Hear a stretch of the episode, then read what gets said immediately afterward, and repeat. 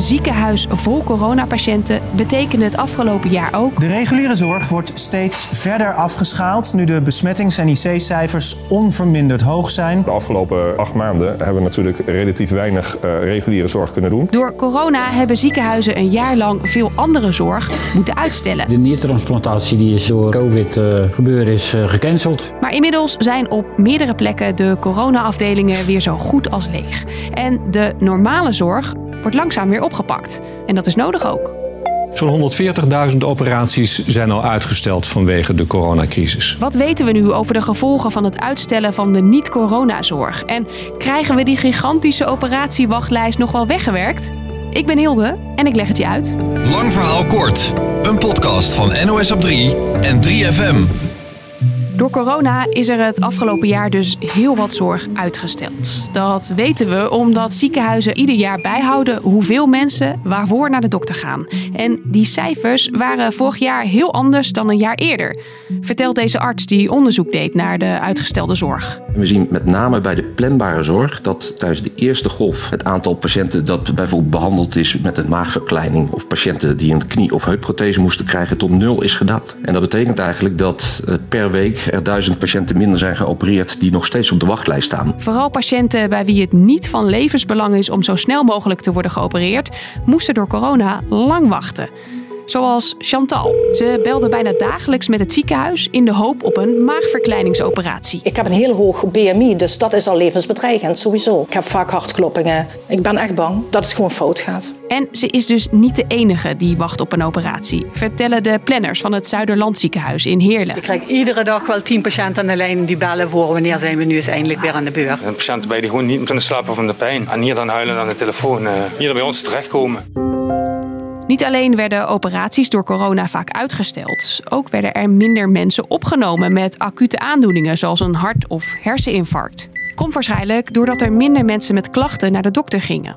Ik zeg waarschijnlijk, want zeker weten we het niet, zegt deze arts en onderzoeker die je al eerder hoorde. Als er een hele duidelijke daling is, bijvoorbeeld 15% minder behandelingen voor een hartinfarct, dan vraag je je toch af van wat is er met die patiënten gebeurd? Hebben die klachten gehad, maar zijn ze toch niet naar het ziekenhuis gekomen? Als er door corona echt minder mensen naar de dokter gingen, kan dat later nog best wat gevolgen hebben. We weten dat een hartinfarct bijvoorbeeld, dat mensen daar klachten van kunnen hebben, maar dat ze als ze die klachten niet daarop reageren, dat ze zich wel weer beter kunnen voelen. Maar ja, waarschijnlijk melden die patiënten zich dan later met ernstige hartschade. En ook kleinere operaties die zijn uitgesteld kunnen later nog voor problemen zorgen. Deze arts helpt mensen met een kunstknie of heup. Ze hebben natuurlijk veel pijn. Dat is ook de reden dat je ze op de operatielijst zet. En dat betekent ook dat de functie, dus de bewegelijkheid van de patiënt, maar ook van het gewricht, eigenlijk steeds slechter wordt. Als er te veel verlies aan bewegelijkheid is, bijvoorbeeld van de knie, dan is het zo dat een, ook een totale knieoperatie niet die bewegelijkheid weer helemaal terugbrengt. In sommige gevallen heeft het uitstellen van zorg voor veel grote problemen gezorgd. Omdat bijvoorbeeld kankeroperaties zijn uitgesteld, zien artsen nu patiënten waarbij de tumor een stuk verder is uitgezaaid en dus moeilijker te behandelen is. Ook gingen er volgens het onderzoek het afgelopen jaar meer mensen dood die na een ongeluk in het ziekenhuis terechtkwamen. Voor zo'n 400 patiënten was er door de coronapiek geen plek op de intensive care. Dat is een schatting. Wat de precieze gevolgen zijn, is nog lastig inschatten. Daar doet het RIVM nu uitgebreid onderzoek naar. Is het afgelopen jaar door corona dus heel wat zorg uitgesteld. Zo'n 140.000 operaties moeten er nog worden ingehaald.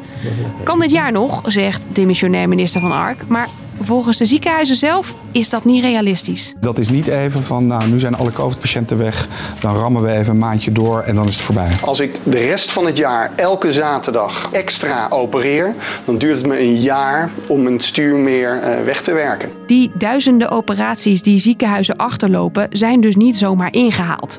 Komt vooral door een tekort aan personeel. De zorg uh, die was al krap bedeeld met personeel voor de corona. Nu hebben we een hele zware tijd achter achter de rug met overbelasting van dat personeel. En dat vul je dus niet zomaar aan met ander personeel, want dat is niet opgeleid. Toch gaat de minister ervan uit dat de wachtlijsten voor operaties dit jaar nog worden weggewerkt. Ik denk dat het gewoon heel erg belangrijk is voor mensen van wie bijvoorbeeld een operatie is uitgesteld, dat ze weten waar ze aan toe zijn. Maar ook dat ze weten als het bijvoorbeeld wat langer duurt bij hun eigen ziekenhuis, dat ze ook de keuze hebben om bijvoorbeeld op een andere plek in Nederland eh, eerder geholpen te worden als ze dat zouden willen. Zo kan het dat als je in Breda woont, je in Rotterdam of Nijmegen wordt geopereerd om zo wachtlijsten sneller weg te werken.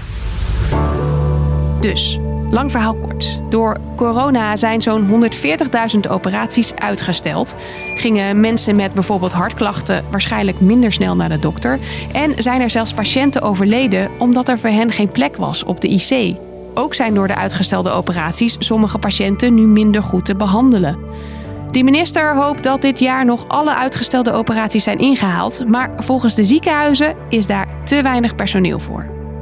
Dat was hem weer voor vandaag. Gelukkig hoef je niet lang te wachten op een nieuwe podcast. Die wordt niet uitgesteld en staat morgen gewoon rond 5 uur in je favoriete podcast-app. Tot morgen!